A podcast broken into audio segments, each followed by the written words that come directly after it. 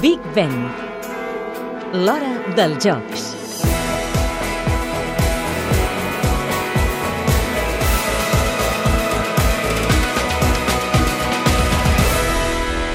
El tenis taula tindrà representació catalana este estiu en Londres. Gàlia Vorak i Sara Ramírez intentaran fer història i aconseguir un bon resultat en la capital anglesa.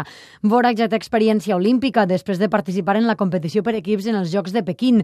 Ella ens explica quina és la principal dificultat que es poden trobar en Londres. El hàndicap principal és, com sempre, guanyar Xina.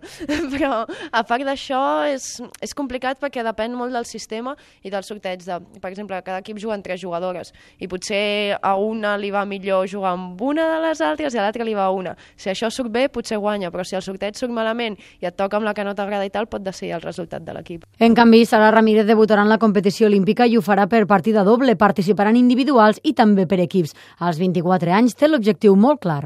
El somni, somni, medalla, però jo crec que un diploma sí que el podem arribar a fer, està difícil, clar, però somni, somni de la medalla. Tinc moltes ganes i necessito un procés per, per estar preparada. Sé que només queden dos mesos i estaré preparada, però m'imagino, no sé, moltes ganes d'anar allà a la taula i fer tot el que pugui.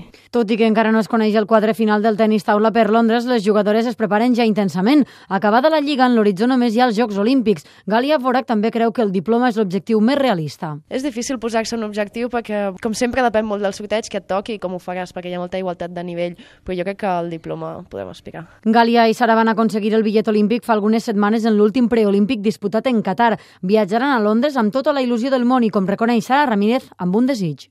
Que no es toquin cap Xina. Això és l'essencial. I, bueno, japonesa, Singapur, Hong Kong també és molt difícil, però si és que et toca una Xina això ja és impossible, no és improbable.